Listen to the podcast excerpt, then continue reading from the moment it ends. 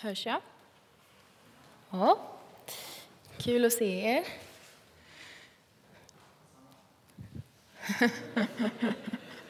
Partisk. Ska se om powerpointen funkar.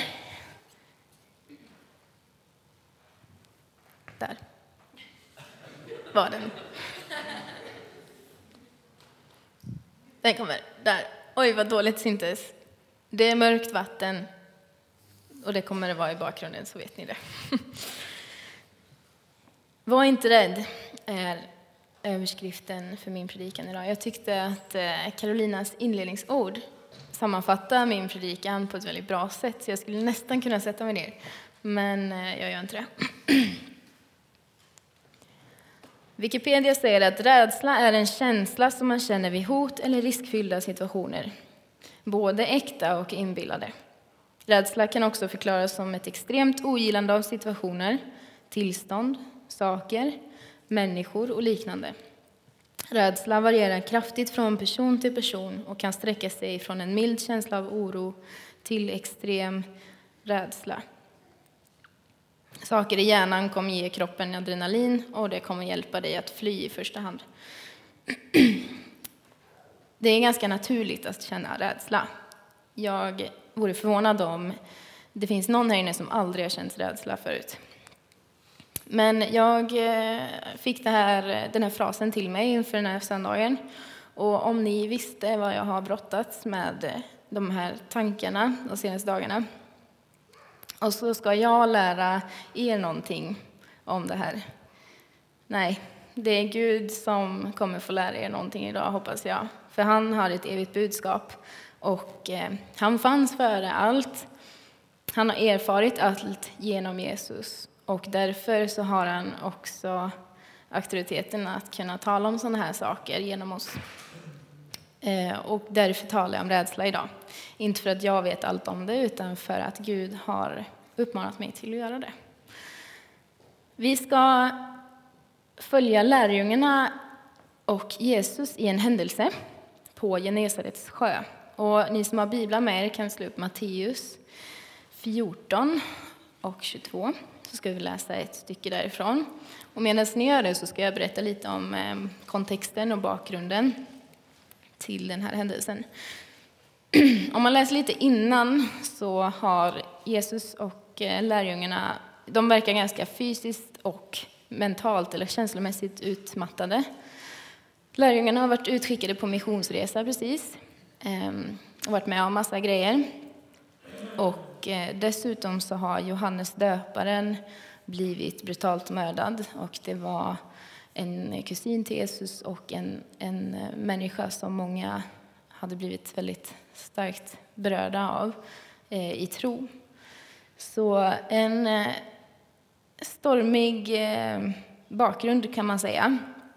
Dessutom så vägrade folk sluta följa efter Jesus och lärjungarna, för de ville veta mer, de ville ha mer av Jesus. Och Jesus han, eh, han fick medlidande, fast de var så trötta, så fick han medlidande för människorna och det som hände direkt efter det är brödundret eh, för 5000 män och ännu fler barn och kvinnor. Och eh, det var lite intressant, jag såg att det här, den här maten som kom ifrån bara några få bröd och fiskar som mättade över 5 000 människor eh, skulle ha kostat sex månadslöner eller mer. Det är ni.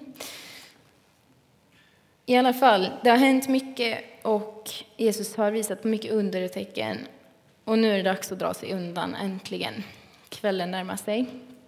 Jesus han vill ha egen tid och lärjungarna skickar han över vattnet på Genesarets sjö till andra sidan. Så här hoppar vi in i berättelsen. Matteus 14 och 22. Strax därefter befallde han sina lärjungar att stiga i båten och före honom för fara över till andra sidan sjön, medan han själv sände iväg folket. Sedan gick han upp på berget för att få vara för sig själv och be. När det blev kväll var han ensam där. Båten befann sig redan många stadier från land, ungefär en halv mil, och var hårt ansatt av vågorna eftersom vinden låg emot. Vid fjärde nattväkten, ungefär klockan tre till sex på natten, så kom Jesus till dem gående på sjön.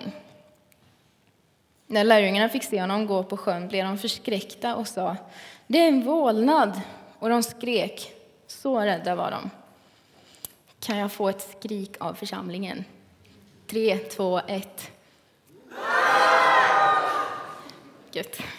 Så kunde det ha låtit, ungefär. Alltså inte konstigt att de blev rädda. Det var mörkt, de hade kämpat hela natten, de var trötta och så kommer en mörk gestalt ute på vattnet. Eh, de tror att Jesus är en vålnad. Och jag tror att vi kan ibland bli rädda med mötet med Gud, i mötet med Jesus. Kanske inför mötet med Gud och Jesus. Vi vet inte vad vi ska föreställa oss. Han är mycket större än vad vi kan förstå. Och då kan vi bli rädda för att möta den store, den allsmäktige. Och någonting som ställer till många gånger för oss tror jag är skuggbilder. När det är mörkt runt omkring oss så ser vi inte riktigt klart. Ungefär som när jag stod här nedanför med bilen en natt häromdagen och skulle lämna in lite grejer i kyrkan. Så det var mörkt ute, det var natt, jag är mörkrädd ibland. Och sen plötsligt så svischade det förbi några ljus vid fönstren och lite skuggor på väggen. Jag blev jätterädd i någon sekund. Och sen nästa sekund så mindes jag att det finns ingenting att vara rädd för. Det var bara några skuggor. Det var en bil som åkte här på lite avstånd och lyste i fönstret. Men första sekunden så blev jag rädd. Och den påstådda faran fanns inte ens där. Och om den har funnits har den varit på långt avstånd. Och det här tror jag att mörkret kan göra med oss.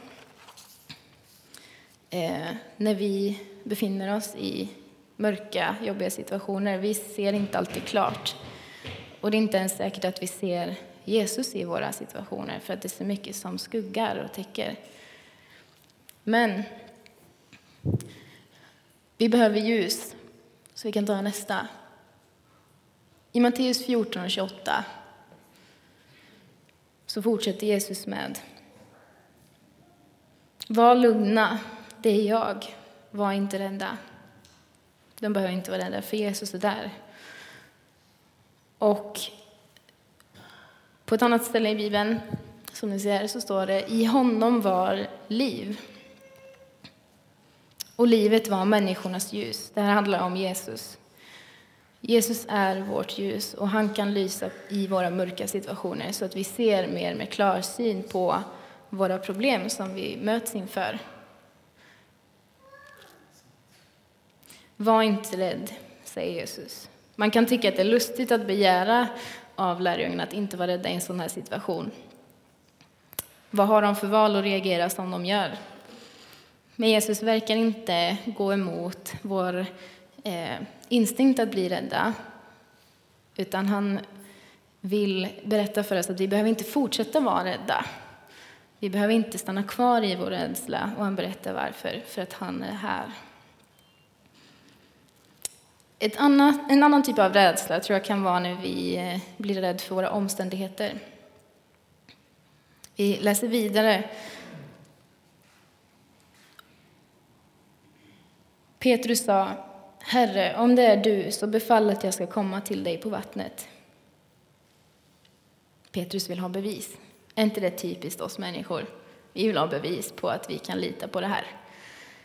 Och det kan vara väldigt viktigt i sådana här dagar, särskilt ute på internet, när det är så mycket skräp som vill få oss att tro saker.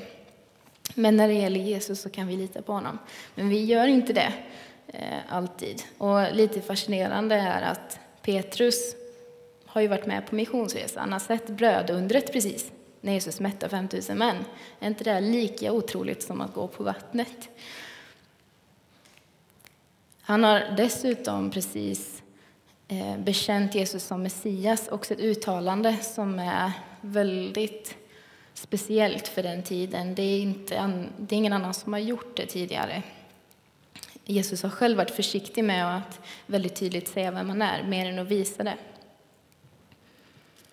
Men Jesus besvarar hans önskan och kallar ut honom på vattnet. Och sen kommer omständigheterna. Vi, eh, precis som Petrus gör här nu då. Men när han såg hur häftigt vinden låg på blev han rädd och började sjunka. Petrus var på väg ut i vattnet. Han var modig, men sen så tittade han på omständigheterna. Han såg att vattnet var vilt och så blev han rädd. Och han frös fast.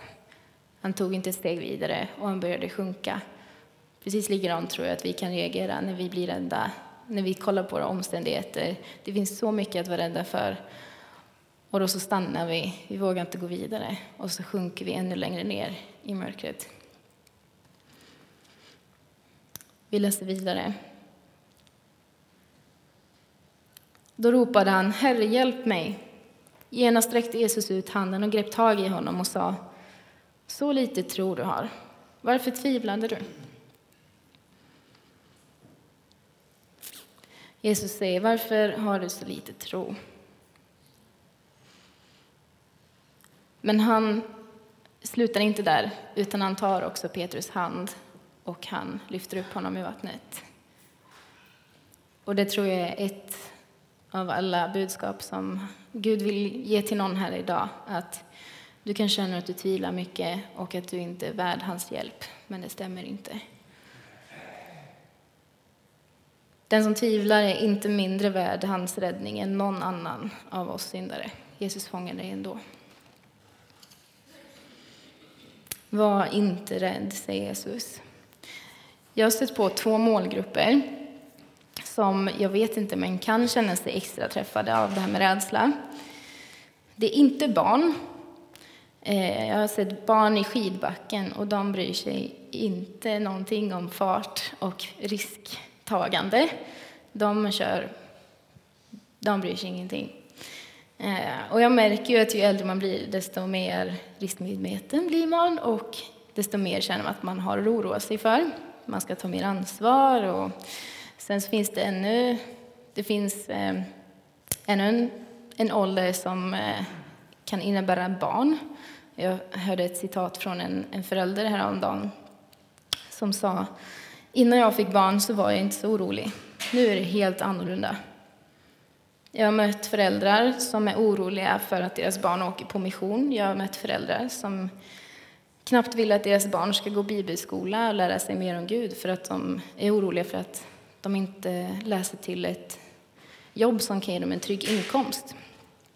Jag har mött folk i alla åldrar som är rädda för att inte passa in, att göra bort sig eller göra andra besvikna, och där är jag med inräknad. Och rädsla är naturligt och det är förståeligt och ibland är det befogat. Men Gud, han har också barn. Alla som är på nyttfödda, som, är, som följer Jesus, är Guds barn, har han lovat i Bibeln. Och Gud säger att var inte rädd ändå, för han är med. Så han förstår din rädsla som förälder. Han förstår din rädsla som inte är förälder. Och han säger ändå, var inte rädd. Och här vill jag också ta med ett litet citat från Michael Jordan, en av världens bästa basketspelare.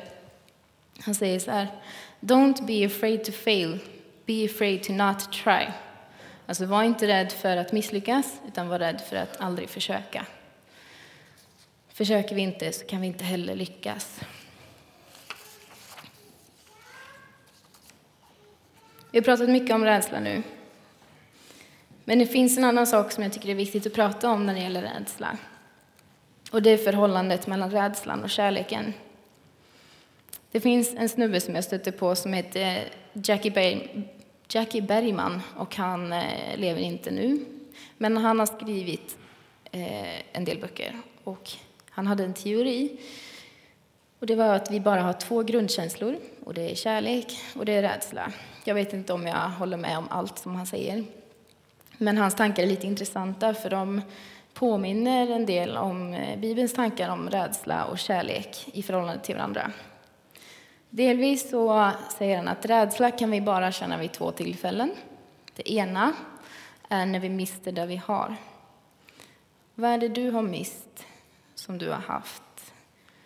som har gjort att du blivit rädd? Är det, har du mist en vän eller ett jobb? Det kan vara vad som helst egentligen när det gäller oss människor. Och det andra är när vi tror att vi inte kommer få det vi vill ha. Finns det något som du vill ha men tror att du inte kommer få och därför inte har modet att gå in i nästa steg i livet? Kan det vara en familj, en partner, kanske ett jobb? Vi är rädda för att byta ner oss. Att vi har det ju, nu vet vi i alla fall vad vi har. Nästa dag kanske vi inte vet vad vi har och vem vet, det kanske blir sämre. Och så vågar vi inte försöka komma in i någonting ännu bättre. Jöke Bergmans syn på kärlek vill jag däremot omformulera lite grann med Bibelns ord. I Johannes 4 och 10 står det så här.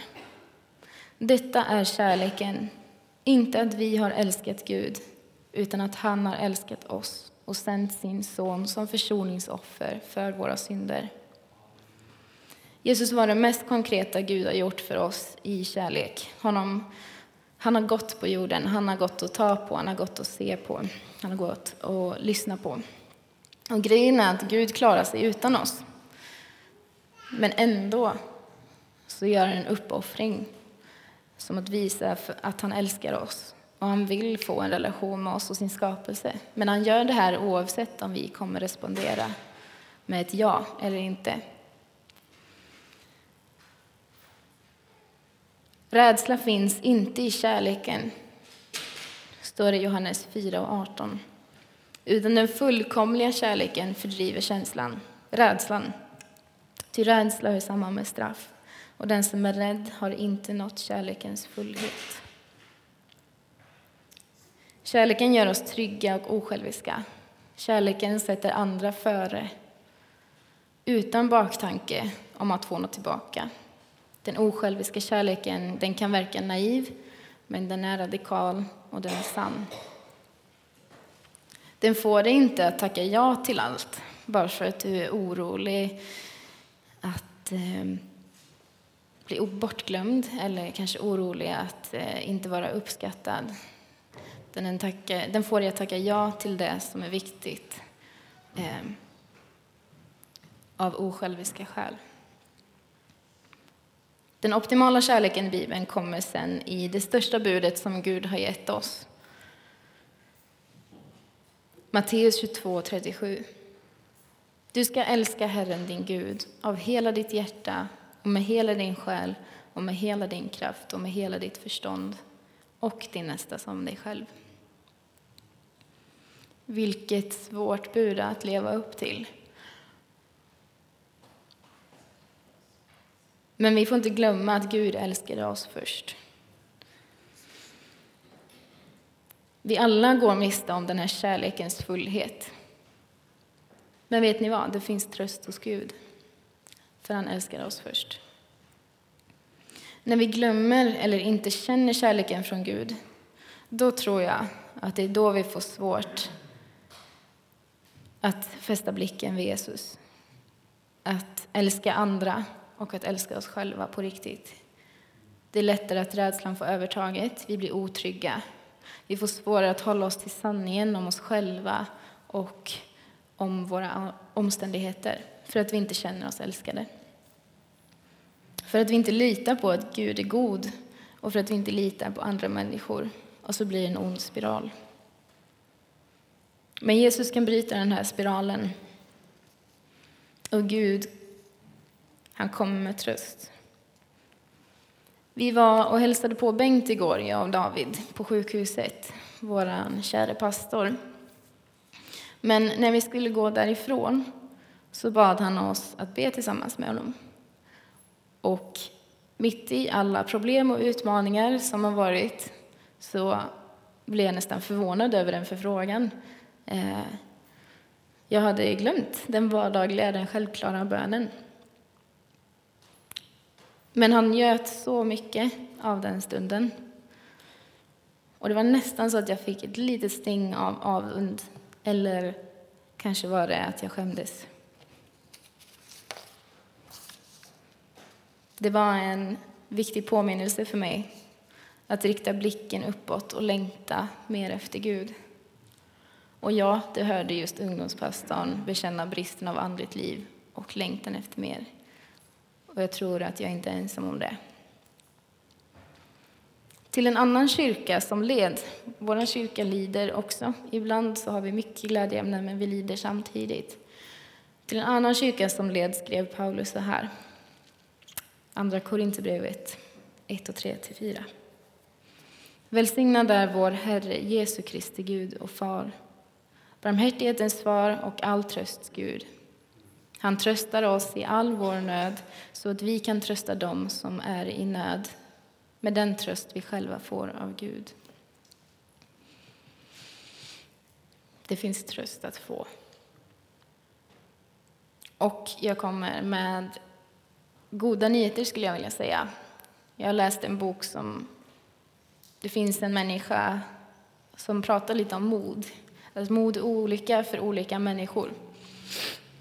Det kanske inte är så modigt av mig att stå här, fastän en gammal studie har sagt att de flesta är mer rädda för att stå och prata inför folk än att dö, i princip. Eh, för jag är, börjar bli van vid att stå här, så jag känner mig mer bekväm med att stå här än vad jag gjort förut. Så därför är det inte så modigt av mig att ställa mig här. Kanske är mod för mig en annan sak. Kanske är mod för dig att stå här. Men för att vara modig så behöver det finnas en rädsla att övervinna. Så känner du rädsla så finns det goda nyheter. Då har du chansen att vara modig också. Och min slutsats vill jag bara påminna er om det jag försökt få fram i det här. Det är tre saker. Det är fäst blicken vid Jesus när allt annat är mörkt. När omständigheterna vill dränka dig. Det är att kärleken driver ut rädslan. Bemöt din rädsla med kärlek. Och tre, var inte rädd.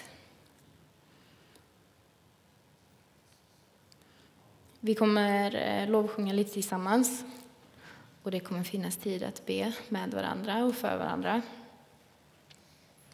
Men vi kan väl bara avsluta predikan i alla fall med att be tillsammans. Så får jag be för er också. Med dig som är rädd så vill jag be om att du ska kunna ta emot Guds kärlek. Både i hjärtat och i ditt förstånd. Gud, tack för att du har älskat oss först.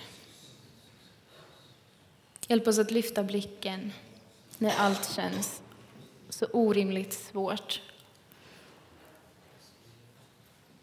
Hjälp oss att välja kärlek framför rädsla. Kärlek framför oro och hat. Hjälp oss bekämpa den här världens trasighet med kärlek. Jag ber att för dem som det brinner lite extra i hjärtat idag, du ska komma med mod, frimodighet och din äkta, fulla kärlek. Tack för att du talar till oss var och en på det sätt vi behöver. Att du som Carolina sa ständigt jobbar på vårt inre, även om vårt yttre bryts ner. Tack för att du finns där fast vi inte ser det. Kom med ditt ljus när vi bara ser skuggbilder.